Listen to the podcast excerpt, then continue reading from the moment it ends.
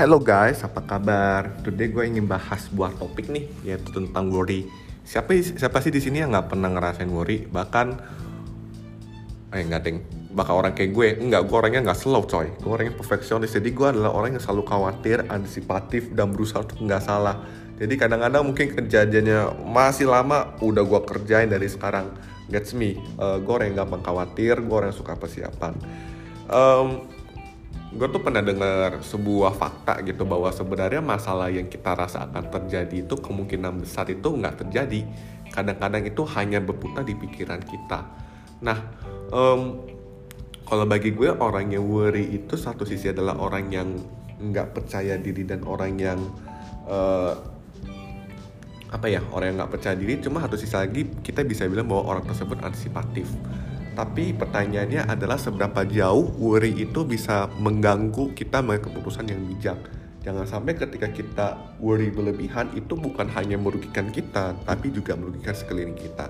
Nah, gue ingin bagi beberapa tips sih untuk menangani masalah worry. Yang pertama itu soal prioritas. Kadang-kadang dalam menangani worry, kita perlu membedakan apakah masalah itu harus dikerjakan sekarang atau masalah itu bisa dikerjakan ntar atau penting apa ya bahasanya? Apakah masalah ini penting atau apakah masalah ini tuh urgent? Kalau urgent harus dikerjain dulu, penting entar. Nah mungkin dengan membagi prioritas seperti ini kita bisa di orang yang lebih bijak dalam uh, menangani rasa khawatir yang terjadi dalam hidup kita.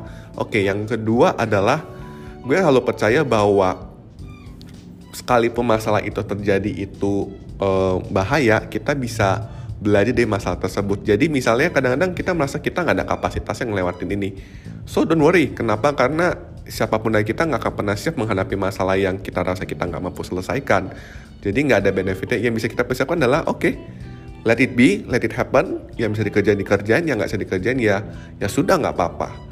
Nah itu aja teman-teman podcast gue edisi kali ini. Semoga podcast ini bisa menurut teman-teman mengambil keputusan yang bijak dalam kehidupannya sehari-hari. Thank you guys and see you in the next episode. Bye-bye.